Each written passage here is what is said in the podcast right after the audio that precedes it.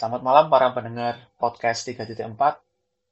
Kita bertemu lagi di episode 4 bersama narasumber kita malam ini.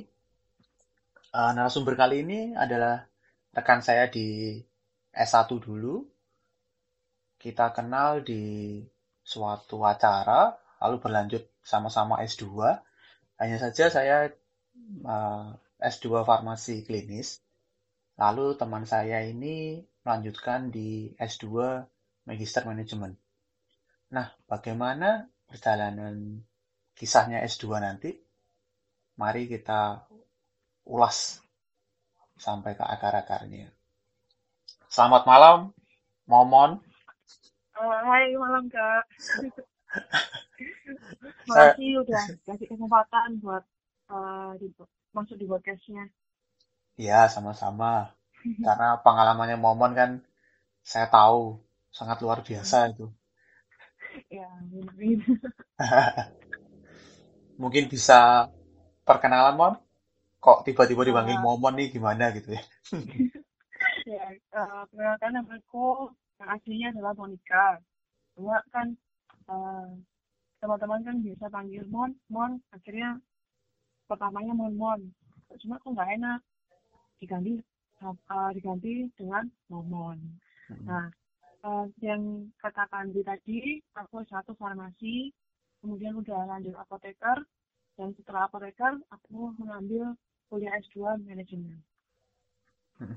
Ya, Oke, tadi kan Momon menjelaskan bahwa melanjutkan ke Magister Manajemen. oke. Nah, mungkin bisa dijelaskan Magister Manajemen itu ruang lingkupnya bagaimana, lalu fokusnya ada apa aja, Mon?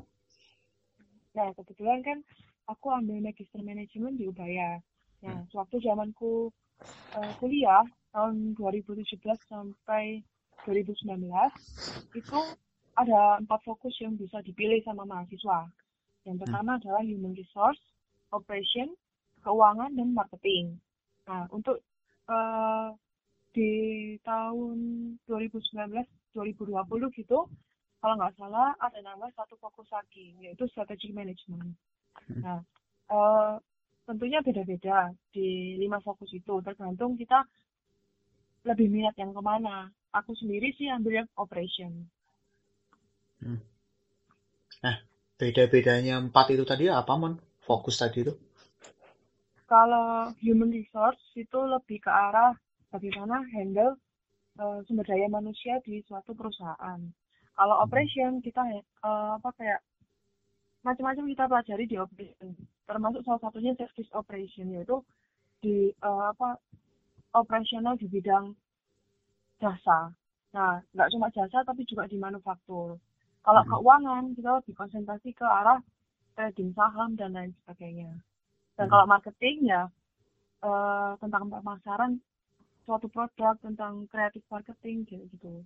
Hmm. Kalau yang strategic management jujur aja saya aku belum terlalu ngerti karena eh, fokus baru di manajemen manajemen upaya. Hmm. Tadi kamu memilih yang operation ya? Ya betul.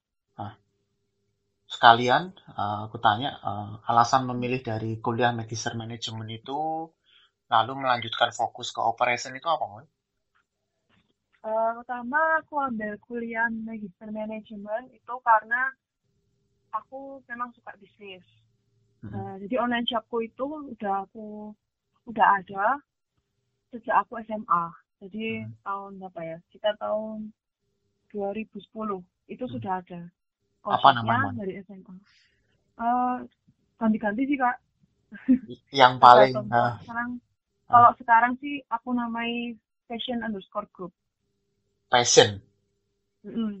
Karena pada awalnya memang eh, aku jual baju, jual Hmm. fashion, baju, tas, Hmm. sepatu, kayak gitu. Nah, makin lama makin ke sini, makin banyak saingannya, ya eh, produsen juga semakin dekat dengan konsumen yang untuk masalah baju. Hmm. Jadi aku tinggalkan baju itu. Terus aku beralih ke sekarang yang lagi rame adalah sabun mandi dan juga masker. Kayak gitu. Oke.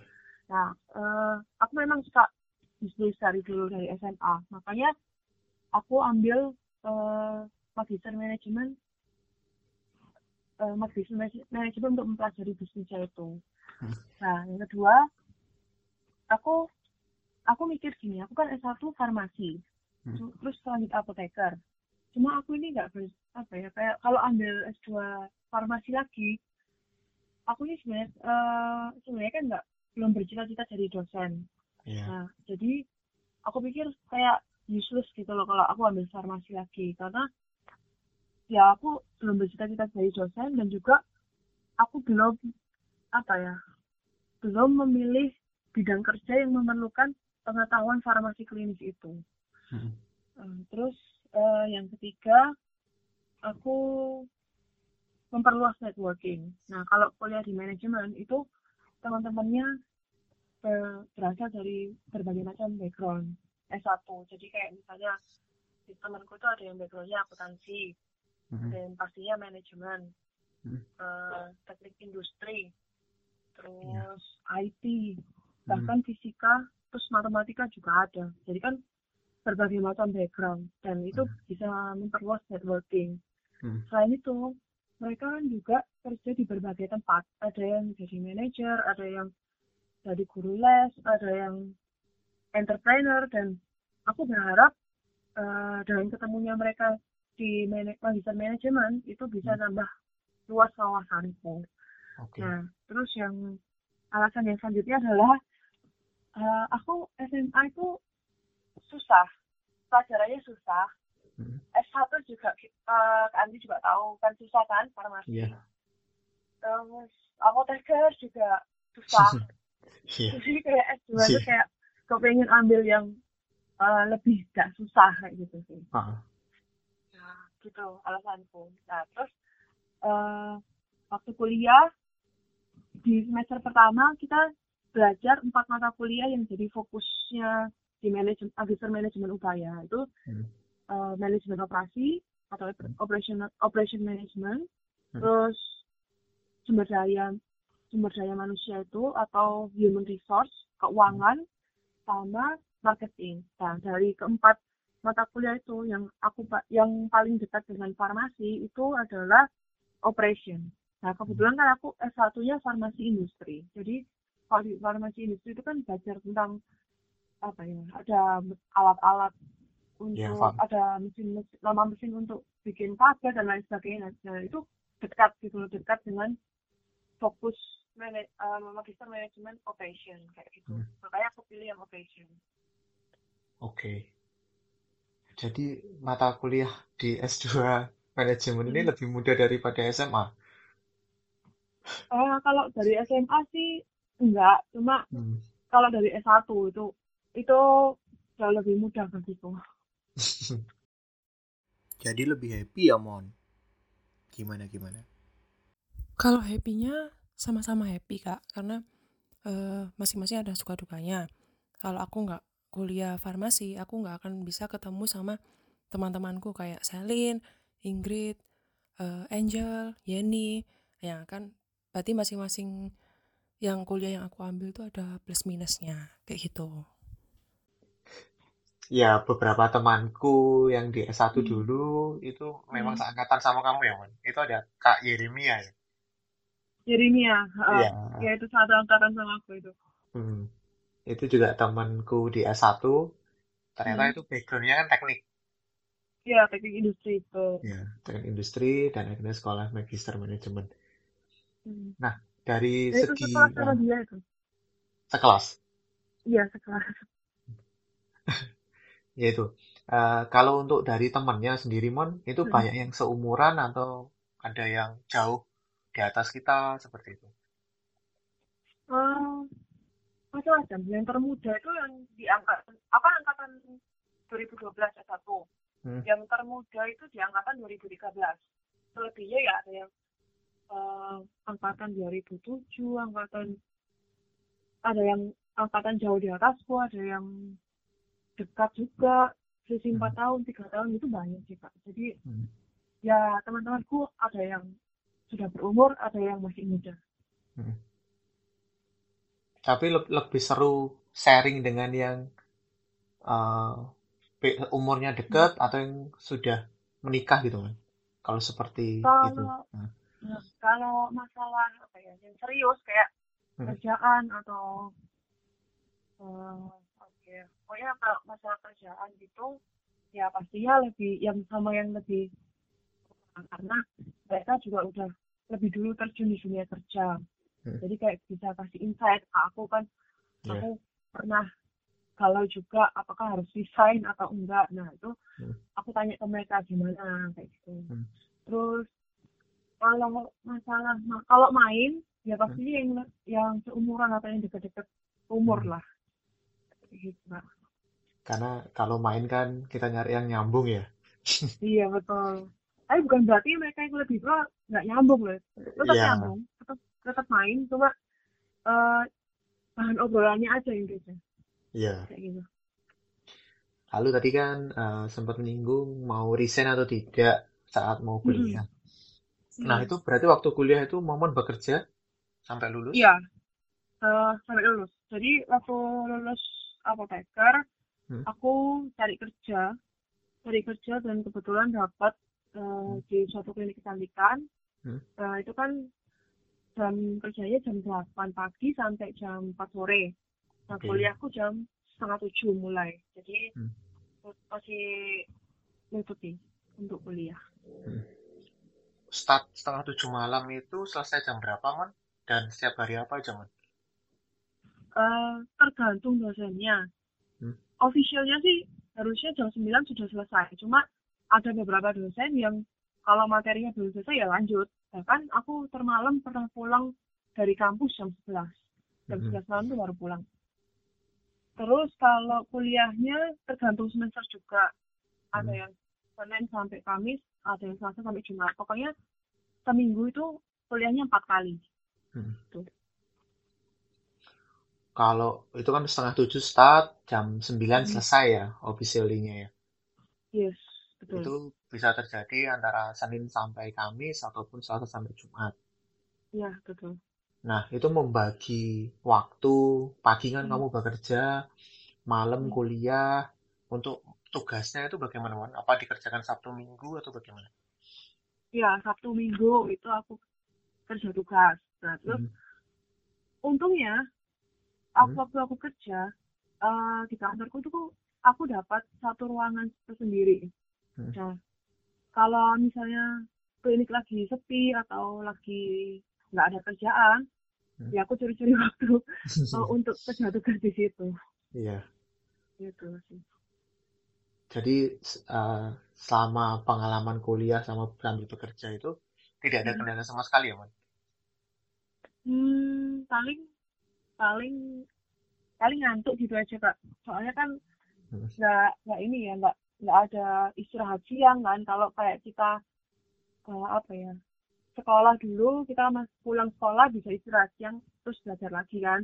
Tapi hmm. kalau kerja kerja sambil kuliah ya lanjut sampai malam gitu. Jadi pagi sampai malam. Iya. Itu berlangsung selama satu setengah tahun atau dua tahun, Mon? Seperti itu terus. eh aku kan 2017 itu setelah lulus APT kan langsung ambil langsung ambil magister manajemen dan Hmm, aku juga langsung dapat kerja. Terus hmm, aku resign tanggal eh, aku resign Maret 2019. Eh, lulusnya lulusnya magister manajemen September 2019. Jadi ya hampir hampir dua tahun sih hmm. menjalani kayak gitu. Dua tahun. Heeh. Lalu eh, tadi kan soal tugas, lalu kalau soal Hmm. ujian, kalau Hmm. di S2 farmasi klinis kan kita hanya satu ujian saja, tidak ada UTS Heeh. UAS. Heeh. Nah, apakah di magister manajemen itu seperti itu juga atau berbeda? Ya, kita sekali sekali aja juga.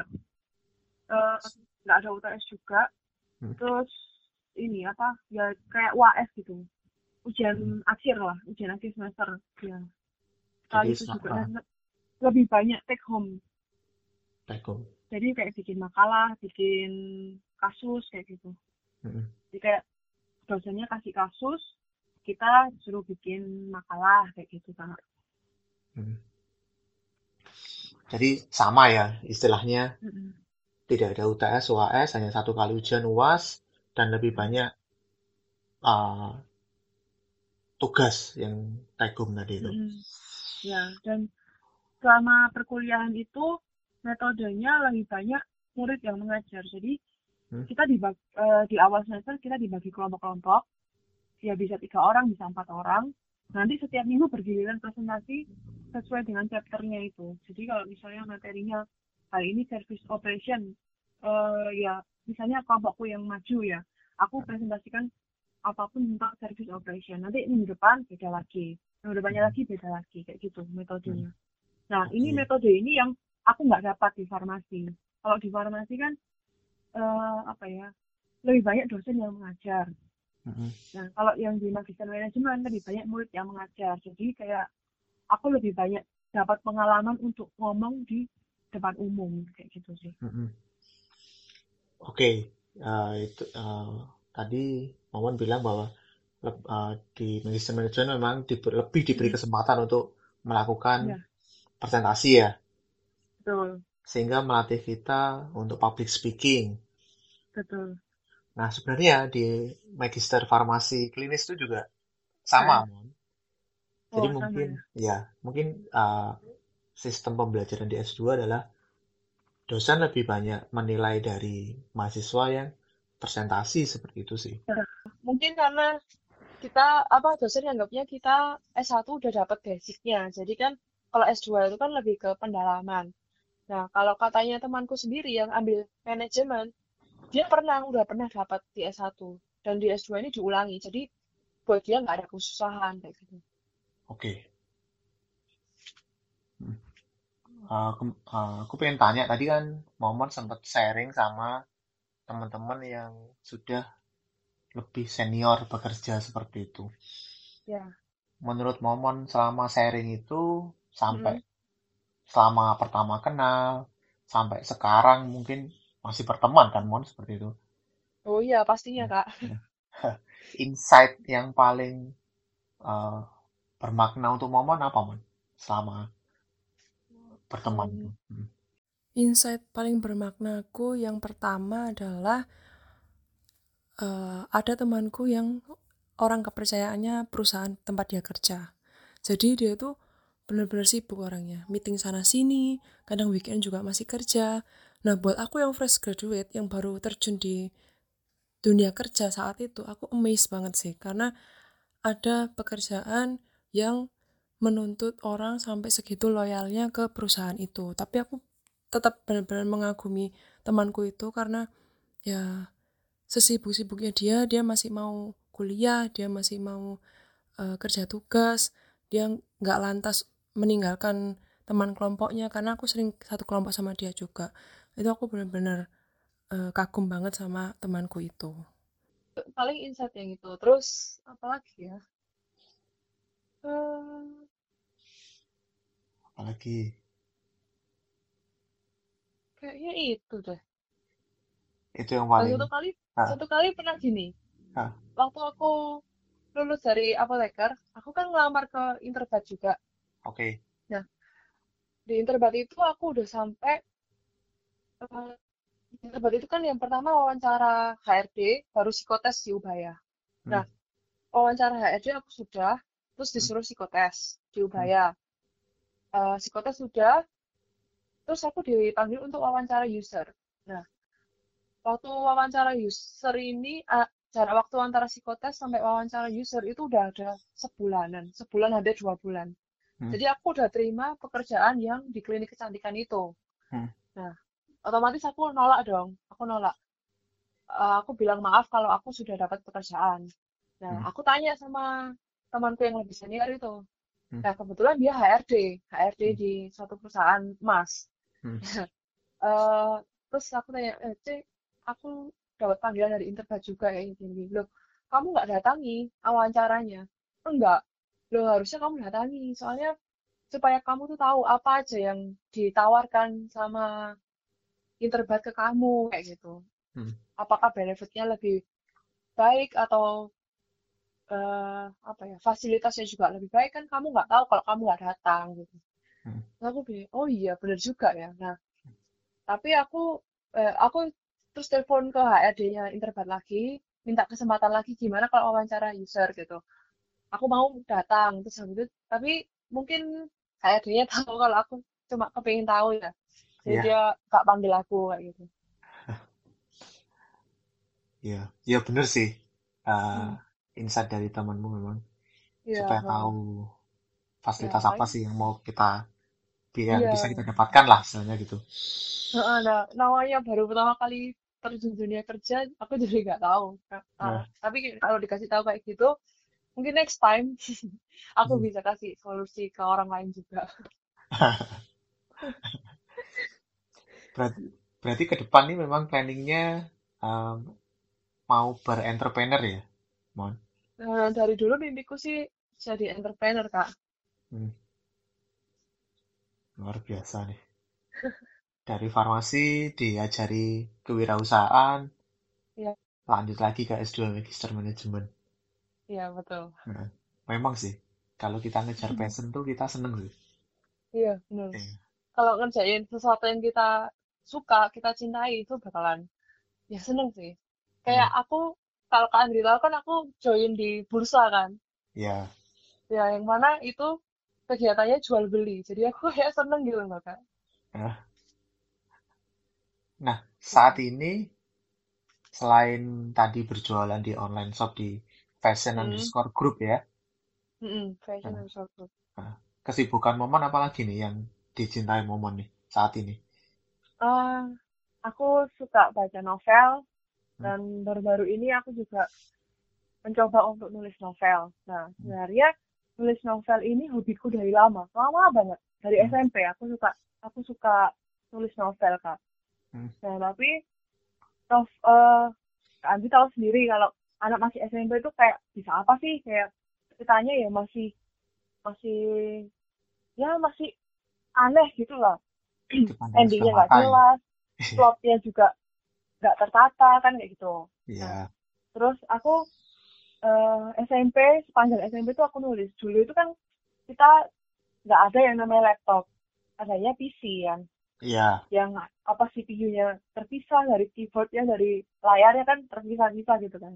Hmm, Nah kalau untuk apa untuk ngetik di situ kadang-kadang tuh males, jadi aku tulis di buku kosong. Nah di gudang itu masih ada kak, Ba- banyak banget apa hmm, eh, buku-buku yang aku tulisin sama eh, cerita-ceritaku kayak gitu. hmm, Nah, tapi semua cerita yang aku tulis dulu itu nggak pernah selesai. Karena oke, ya masih kecil, aku bingung hmm, endingnya mau dibuat kayak gimana. Eh, atau kadang-kadang sampai tengah-tengah cerita juga aku juga bingung kok ceritanya kayak gini, kayak gitu. Jadi kayak nggak pernah selesai ceritanya. oke, Nah, lanjut SMA. hmm, Lanjut SMA aku udah lupa hobiku yang menulis itu. Soalnya SMA itu benar-benar berat. Eh, belajarnya benar-benar berat.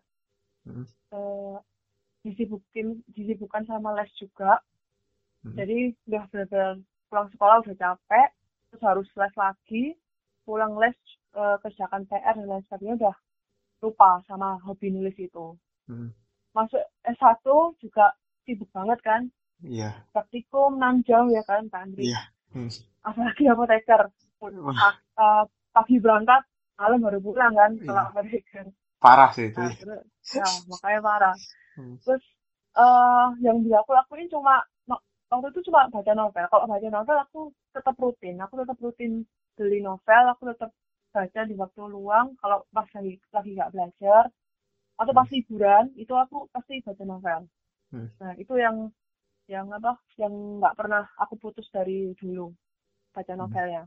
Cuma kalau hobi nulisnya aku lupa. Terus hmm, masuk S2 dan bekerja juga tambah nggak mungkin lagi. Nah, hmm, hmm, 2019 aku kayak ada suatu inspirasi cerita. Nah, aku mulai dari situ aku mulai apa ya nulis lagi. Aku mulai eh, nulis lagi yang akhirnya has, menghasilkan novelku yang pertama di antara dua bulan. Nah, hmm, itu udah dari 2019 aku kerjain itu, hmm, tapi aku nggak tahu niat. hmm, Nah, terus habis itu kena corona 2000, eh, 2019 itu aku juga banyak main banget eh, keluyuran ke mana-mana pergi dan lain sebagainya karena kan posisi udah selesai tesis Mm-mm. eh, tinggal kayak main-main sama teman-teman kan karena kalau sudah lulus semua udah pasti sibuk masing-masing jadi punya waktu main ya main kayak gitu Iya. nah terus dari situ masuk 2020 corona Hah? terus aku suatu hari tuh ngobrol sama temenku lewat chat kan Hmm. ya tanya-tanyaan kabar dan lain sebagainya nah entah kenapa aku ini cerita ke dia aku itu suka nulis Mm. Eh, terus dia bilang gini "Eh, aku kan juga sebenarnya awal tahun 2020 aku tuh cari kerja kak aku Mm. cari kerja ikut orang pikirku mau ikut orang Hmm. Eh, tapi eh, belum dapat dan udah corona kayak gitu jadi Iya. nggak berani ke mana-mana dulu dan stop cari kerja Mm. ya jadinya fokus all shop itu Hmm. terus aku ngobrol ke temanku itu kayak tanyaan kabar terus ngobrol ngobrol-ngobrol terus aku cerita aku suka aku suka nulis. Nah dia kan tahu aku cari kerja dan aku Ya. belum dapat kerja. Terus dia gini eh, kalimat yang bikin aku mikir iya ya kenapa enggak? gitu kan. Hmm. dia bilang gini kenapa kok kamu nggak nerusin aja hobi novelmu instead of cari kerja? Jadi dia nyaranin coba fokus ke tulis novel dia bilang gitu. Mm. dan aku mikir mikir iya ya iya benar juga sih kan banyak juga penulis penulis penulis yang sekarang terkenal kayak di Lestari gitu kan terkenal Iya. ya kan Nah, dan itu eh, di Lestari juga karirnya dia ya oke sih jadi penulis Mm. Pencipta lagu ya. Mm. makanya kan eh, aku kebetulan aku juga ngefans sama di Lestari karyanya itu bagus sih Nah, terus eh, beberapa hari kemudian aku scroll Instagram ada IG Instagram advertising bahwa di platform Kliko Hmm. itu lagi ngadain kontes nulis novel yang hadiah utamanya tuh 200 juta. Nah, Oke. siapa yang nggak kepengen kan Iya. uang segitu, ya kan? Mm. Mm. Terus ya ikut orang belum tentu dapat segitu kan setahun. Nah, akhirnya akhirnya aku oh ya kombinasi dari omongan temanku dan dari banner nulis no- kontes nulis novel ini eh, aku jadi kayak terpacu lagi buat tulis novel lagi aku lanjutin yang di antara dua bulan. Hmm. Nah eh, di antara dua bulan itu aku eh, benar-benar tulisnya spontan jadi nggak ada plot nggak ada apa tulisnya spontan dan bahkan sampai mau eh, bikin endingnya aku masih belum tahu endingnya ini mau dibikin seperti apa gitu kan Mm. akhirnya waktu aku proses eh, mikir ending di antara dua bulan itu aku dapat inspirasi cerita yang akhirnya jadi novel Under the Moonlight nah, kayak Hmm. gitu kak jadi eh, dan eh, apa ketika aku dapat ide Under the Moonlight aku langsung tulis Hmm. ceritanya secara garis besar aku juga belajar dari di Lestari Hmm. Eh, karakternya itu dirinci jadi Hmm. sifatnya kelebihannya kelemahannya itu dirinci sama aku belajar dari eh, Instagram eh Insta seleb juga namanya Amracing Alexander Tian itu dia kan juga nulis buku Iya. Nah, itu dia bilang kalau dia cara nulisnya dia bakalan rinci bab satu apa, eh, isinya tentang apa, bab dua isinya tentang apa kayak per bab itu dia breakdown sebelum dia nulis. Nah, aku Hmm. coba caranya si Alexander Tian itu dan ketika aku baca ulang Under the Moonlight yang sudah jadi, itu Hmm. aku benar-benar ah ini kak apa aku puas banget gitu loh kak Mm. karena plotnya tertata dengan baik menurutku. Ah, biasa nih. Berarti karya pertama di antara dua bulan, Mm-mm. itu kamu selesaikan dalam berapa lama, Mon? Lama itu setahun lebih berarti. Setahun Karena kan lebih. mulainya 2019. Heeh. Lalu masuk Kalau- ke Kui- Kuiku ya, Mon ya? Ya, Kuiko. Dua, di antara dua bulan. Lalu yang kedua, Under the Moonlight. Heeh, Under the Moonlight betul. Under the Moonlight ini berapa bulan, Mon? Itu sebulan atau sebulan satu bulan setengah. Heeh. Itu aku tiap hari minimal Under the Moonlight 4 jam minimal dalam sehari. sehari. makanya bisa lumayan cepat gitu Hmm. Nah, dari di antara dua bulan ke Under the Moonlight ini, apakah Hmm. uh, seperti satu series seperti itu atau punya plot cerita masing-masing gitu antar novel ini? oh ceritanya beda walaupun sama-sama ada unsur bulannya tapi beda kalau di Hmm. antara dua bulan itu Hmm. tentang romance Oke. Eh, romance ya romance biasa gitu tapi Hmm. kalau yang di Under the Moonlight itu fantasy ya. jadi Ah, ah. aku aku kan aku sendiri tuh aku seneng baca novel fantasi jadi kayak Harry Potter, Percy Jackson Hmm. terus serinya Red Queen nah itu aku suka banget nah jadi aku kayak apa ya menantang diriku bisa nggak sih aku bikin novel fantasi yang eh, bagus gitu kan Hmm. akhirnya aku coba eh, coba coba menantang diriku aku lebih memeras otak lagi terus karena ada adegan perang di dalam di dalam novel Under the Moonlight itu kan Hmm. ada adegan perang gimana caranya aku sih bisa bisa ceritakan adegan perang perang itu tapi pembaca itu tetap bisa bayangin adegannya kayak gitu nah itu buat aku lebih susah daripada bikin romance kayak gitu kan Hmm. Iya, luar biasa, man. Itu uh, yang kedua, aku memang belum baca yang Under the Moonlight itu. Ternyata ada Heeh. perangnya dan fantasi kan. iya fantasi So- ada perangnya Dan yang di antara dua bulan sih aku baca dan Hmm. itu novel fantasiku pertama sih.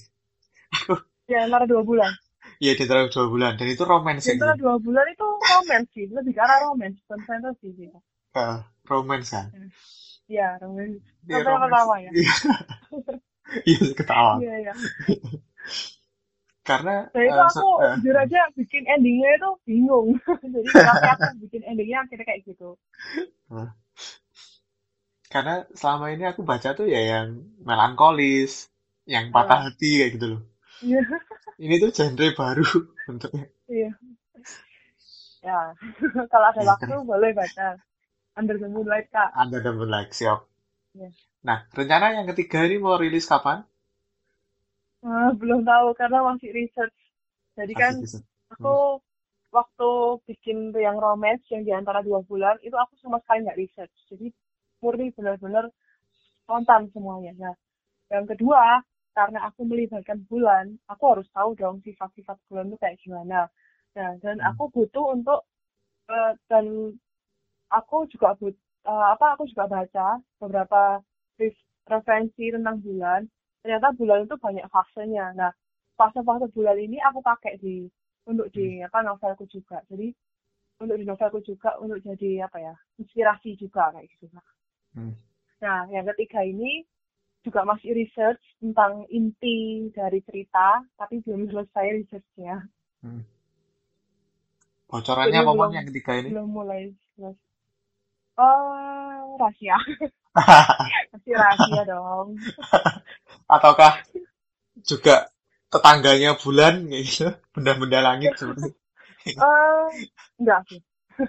enggak. Tapi kepengennya fantasi lagi. Oke. Ya. Oke, kalau gitu nanti kita tunggu. Ini para pendengar langsung coba buka kuiku. Quickku, betul. Iya. Atau simpelnya bisa ke Instagramku Monica Laurentia atau ada aku juga ada Instagram review buku Bukalisius 2020 itu Hmm. ada link di situ tinggal klik Hmm. Nanti linknya Instagramnya Momon sama Regi Buku ya, Mon? ya Instagram Nanti- Aku tuliskan di deskripsi supaya teman-teman boleh. bisa langsung kak. Teman-teman bisa langsung ke IG-nya Momon. Betul. Biar followernya tambah banyak lah. iya. Amin. Eh, sekarang kan keseharian eh, aku ulang dulu dari S1 farmasi, sekarang S2 magister manajemen, sekarang Hmm. coba merintis menjadi penulis seperti itu. Hmm. Itu kan eh, mengikuti passion ya, Mon, sampai hari ini Iya. seperti itu. Nah, dari Iya, orang betul. tua itu mendukung, Mon? Eh, untungnya mendukung Hmm, untungnya mendukung itu paling asik sih, Mon. Iya, Karena mereka sangat-sangat mendukung sih. Mereka juga aku waktu aku bilang aku sebenarnya nggak kepengen kerja ikut orang lagi terus mereka bilang ya udah coba nah eh, papaku juga si- bersikap suportif Hmm. beliau yang bantu yang suka bantu aku cari-cari barang kayak gitu Mm. jadi kalau Ah, Sabtu kan ah. papaku libur nah itu Iya. waktunya aku sama papaku keluar cari-cari barang untuk dijual kayak gitu kak Mm. Enak sih. Jadi iya saat saat ini sih menemukan orang tua yang suportif itu memang agak susah seperti itu. iya betul Heeh. Kadang Hmm. mereka mempunyai idealis sendiri. Oh, Anakku harus betul. jadi ini, jadi ini, jadi ini seperti itu. ya betul untungnya aku kan? dilahirkan dari keluarga yang tidak seperti itu Ya, sama kalau gitu. Aku, Iya. aku juga punya orang tua yang suportif itu. Anaknya mau ngapain aja sih, terserah anaknya guys. terserah ya pokoknya happy ya anaknya ya Happy dan baik sih ya. ya betul betul Ya. Nanti kalau baru yang melakukan hal yang tidak baik kan baru diomeli nanti. betul betul banget Oke, kita kembali ke pembahasan S2 Magister Management, Mon. oke Nah, tadi kan uh, kita tahu dari awal uh, itu adalah ilmu yang berbeda dari S1 Mm-mm. Farmasi ke S2 Magister Management. Nah, Mm. saat kuliah S2 itu apakah tidak ada kesulitan, Mon, dalam mengikuti kuliahnya? Eh, kalau ada ada dua mata eh ada satu mata kuliah yang aku benar-benar nggak bisa Hmm. Eh, manajemen keuangan itu benar-benar susah karena eh, rumus-rumusnya di sana tuh baru semua yang nggak pernah aku lihat di farmasi pastinya Hmm. jadi terus ada istilah-istilah yang asing juga gitu kak kalau di manajemen keuangan itu dan Hmm.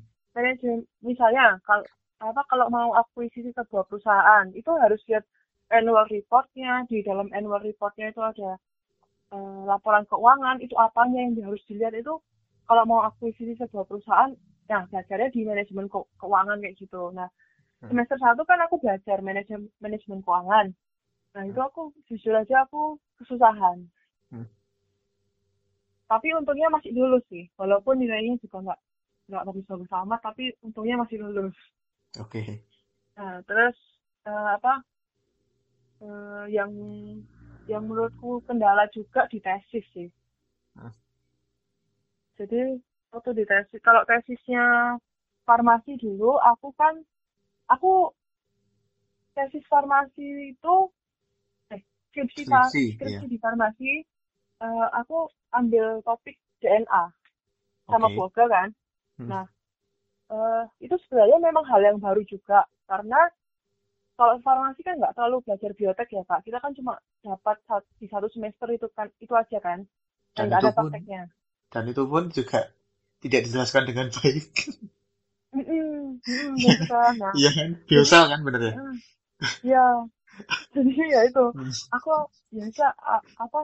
Kenapa aku pilih skripsi DNA? Karena jujur aja gratis. Jadi Oke. biayanya dari Bu Oke, dari kayak eh, apa kitnya, peralatannya, bahan-bahannya itu dari Bu Oke semua. Jadi Hmm. gratis ya. Jujur aja aku milih itu. Nah, Hmm. terus aku juga bingung mau skripsi apa lagi kan.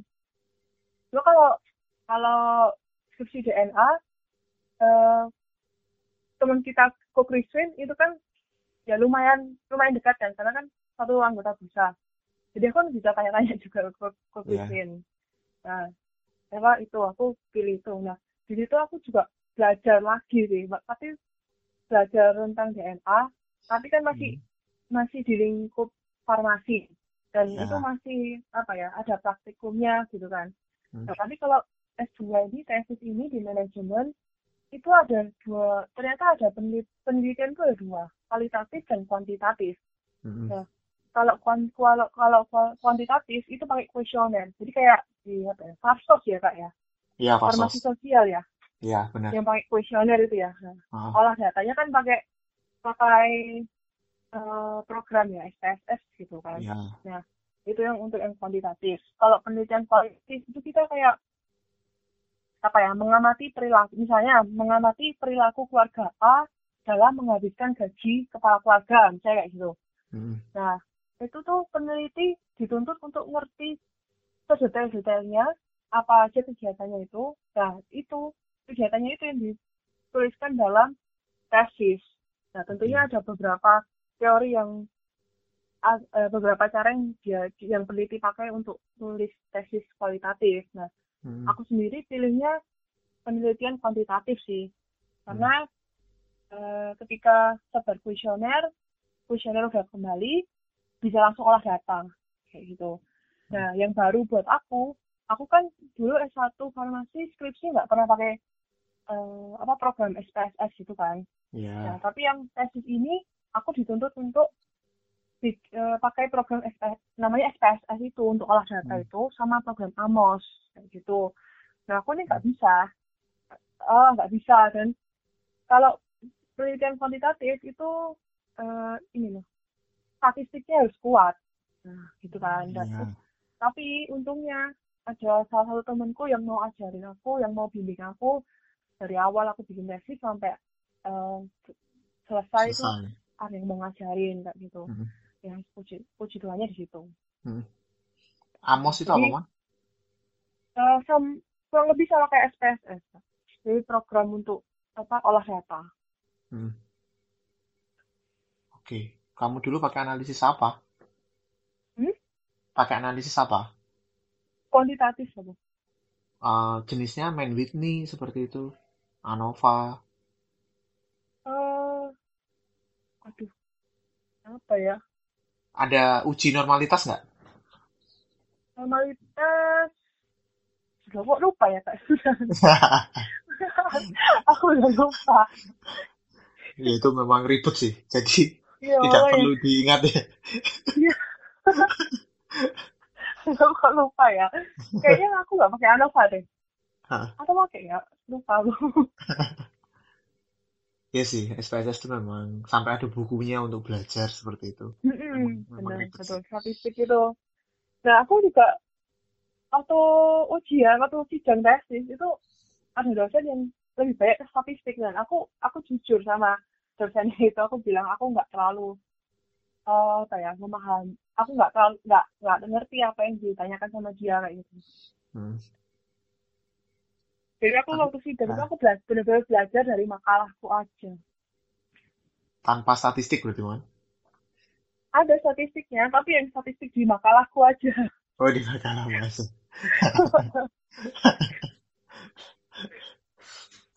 Tapi nggak apa-apa lah. Pasti A kan keluarnya. A minus Oh, A minus. nggak apa-apa tapi apa-apa aku lah. nggak anu kok apa istilahnya apa ya legowo lah maksudnya aku ikhlas ikhlas aja dikasih A minus karena aku memang nggak bisa jawab statistik kan dan malah aku Hmm. bagus kan A minus nggak B kayak gitu Iya, hmm. iya sih. ya, masih bersyukur ya gitu kak Sebentar aku mau kembali lagi ke mata kuliah tadi. Yang Iya. susah tadi kan manajemen keuangan. Mm-mm. Sisa-sisanya itu eh, apakah mudah dipelajari ataukah harus belajarnya lebih giat lagi seperti itu, Mon, selain manajemen keuangan. Kan itu benar-benar baru yang tidak diajarkan di S1 farmasi seperti ya itu. Mm-mm. kalau selebihnya aku masih bisa belajar dari book textbooknya jadi kan Hmm.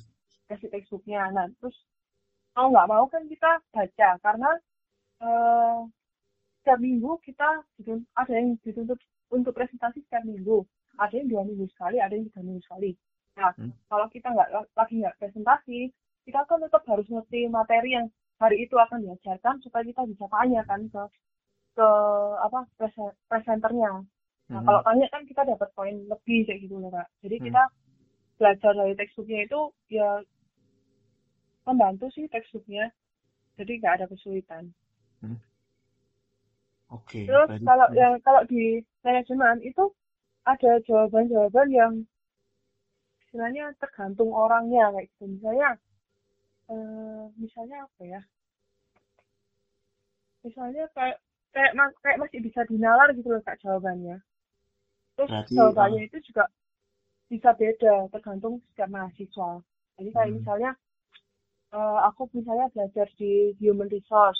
Hmm. Nah, gimana sih cara menghandle bawahan yang masih bandel kayak gitu. Oke, Nah, itu kan caranya tiap orang beda kan. Hah, Nah, jadi nggak ada jawaban benar dan nggak ada jawaban salah kayak gitu. Hmm.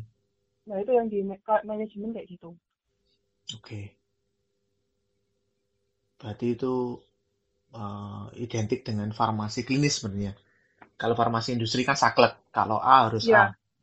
Hmm, benar. Jadi bisa dinalar Benar, Mas Yan. Iya. Uh, berarti yang paling kesusahan memang manajemen keuangan. Hmm. Lalu tipsnya, tipsnya menurut Pomon, misal nih adik-adik kelas nanti yang Hmm. S1 farmasi itu pengen melanjutkan ke magister manajemen.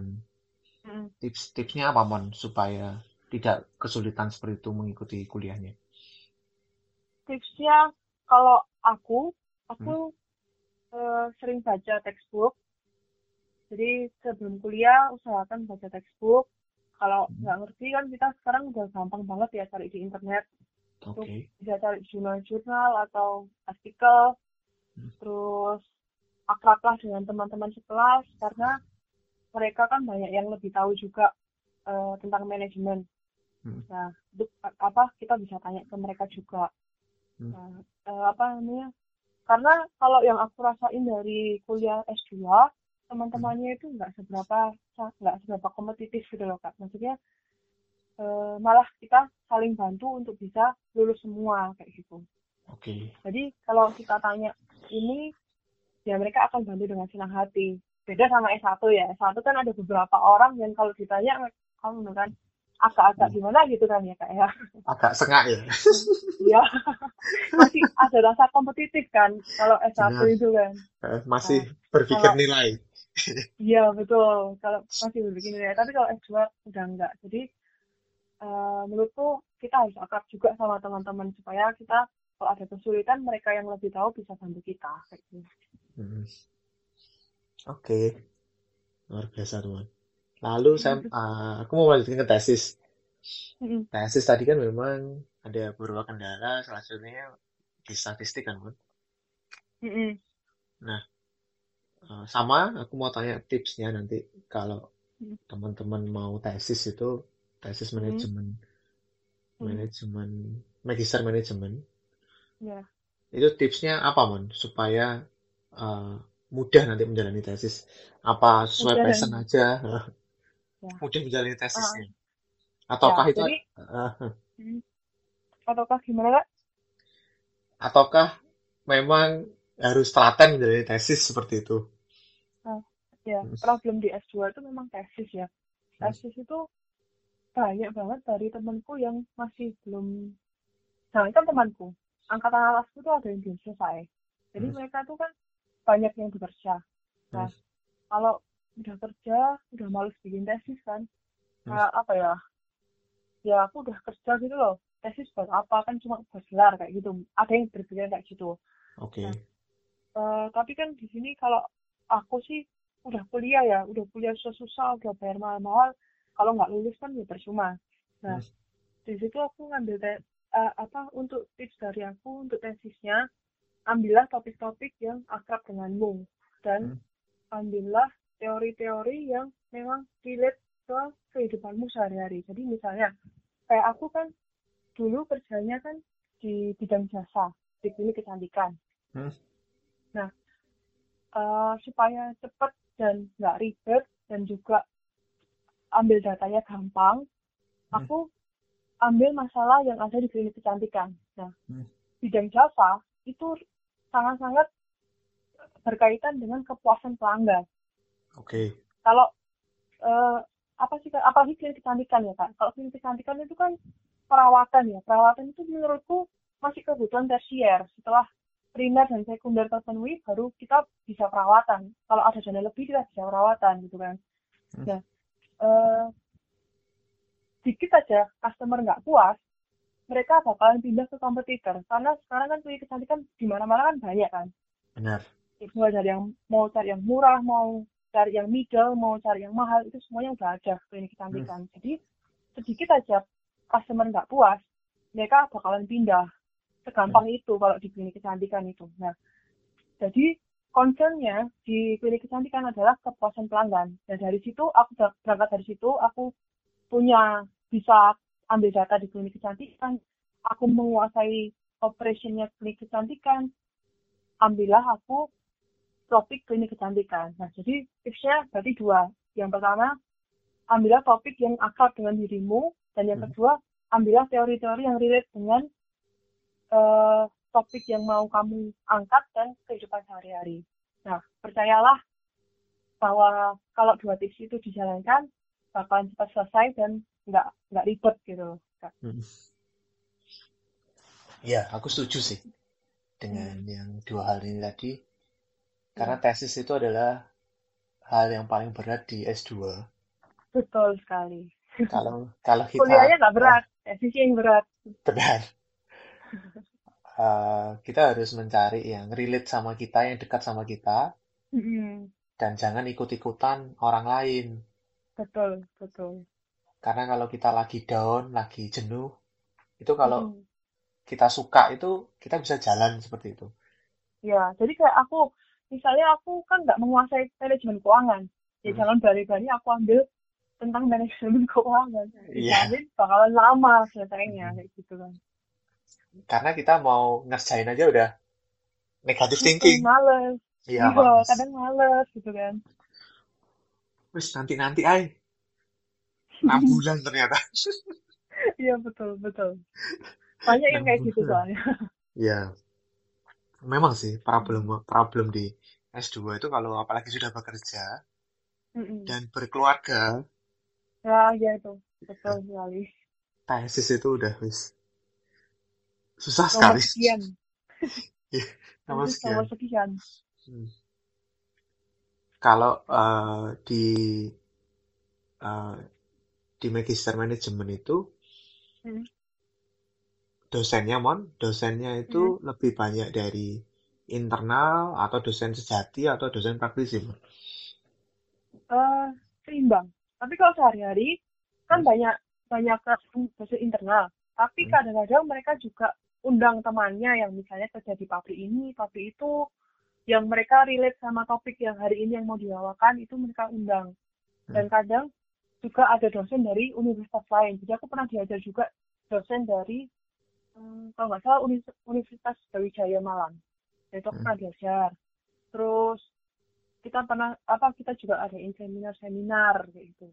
Seminar-seminarnya ini dari praktisi, dari dosen universitas lain, bahkan ada yang dari luar negeri juga kayak gitu. Hmm. Berarti kalau misal dosen dosen tetap gitu mon ya, itu mengundang praktisi temennya, berarti dua Ya. orang di kelas itu Iya, dua orang. Kadang dua orang. Wah, se- seru sih itu. Berarti Iya, seru banget. Aku pernah juga ada kuliah tamu dari orang Telkom, itu juga ada, itu seru banget. Terus Hmm.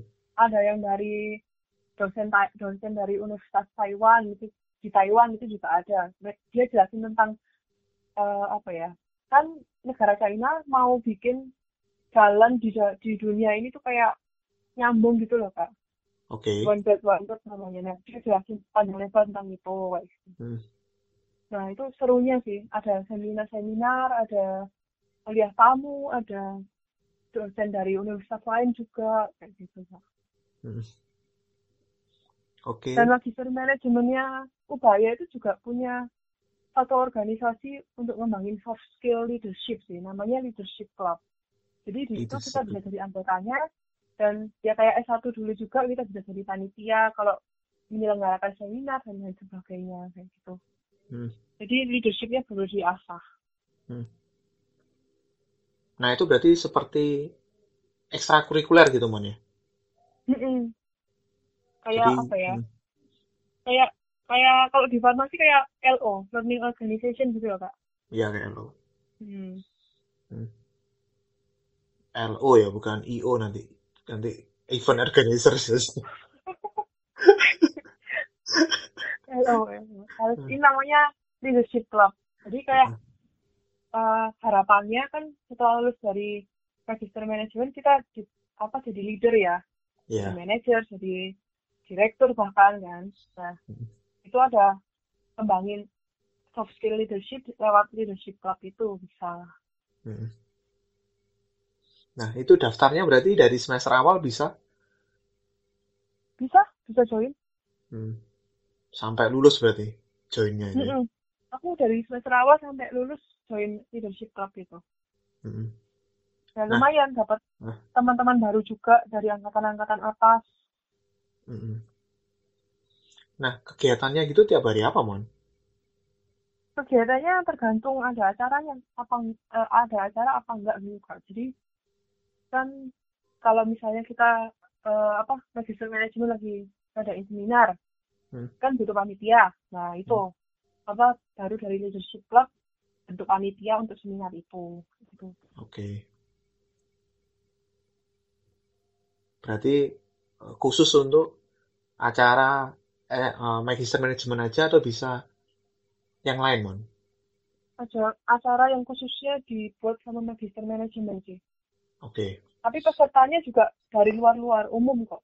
Biasanya seminarnya umum karena kan tentang ekonomi gitu kan biasanya. Oh, berarti itu semacam bisa ngadain workshop gitu ya? hmm, hmm, bisa Nanti teman-teman dari leadership itu panitia. ya betul Oke. Itu semacam kalau di farmasi kan LO atau Mm-mm. Isma Farsi ya? ya betul betul Hmm. Oke, Mon, kalau gitu pembicaraan kita sangat luar biasa malam ini.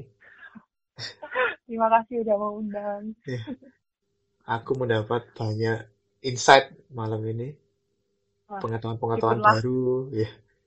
iya Nah, ini uh, mungkin satu quote terakhir dari inti atau pesan dan kesan untuk para pendengar, Mon. Dalam satu kalimat. Kira-kira apa, Mon? Hmm, apa ya Dari pembicaraan kita malam ini, memberikan insight Ya. kepada pendengar ya. ya lakukan apa yang kamu sukai kamu cintai percayalah eh, sesuatu yang eh, kalau kamu melakukan sesuatu yang kamu cintai bakalan seneng rasanya di hati kayak gitu Oke, itu super sekali sih. Lakukanlah Ya, uh, lakukanlah apa yang dicintai love what you do and do what you love ya. yes benar sekali Siap, kalau gitu. Terima kasih, Mon. Sudah ya makasih juga join kak di podcast 3.4. terima kasih Baiklah, mungkin sekian uh, pembicaraan malam ini dengan Monica Laurentia. Nanti Instagramnya akan saya tulis di deskripsi. Silahkan stalking sendiri. Terima kasih sudah mendengarkan. Sebagai dukungan kamu untuk podcast 3.4, jangan lupa pencet share dan bagikan ke teman-temanmu. Sampai berjumpa di episode berikutnya.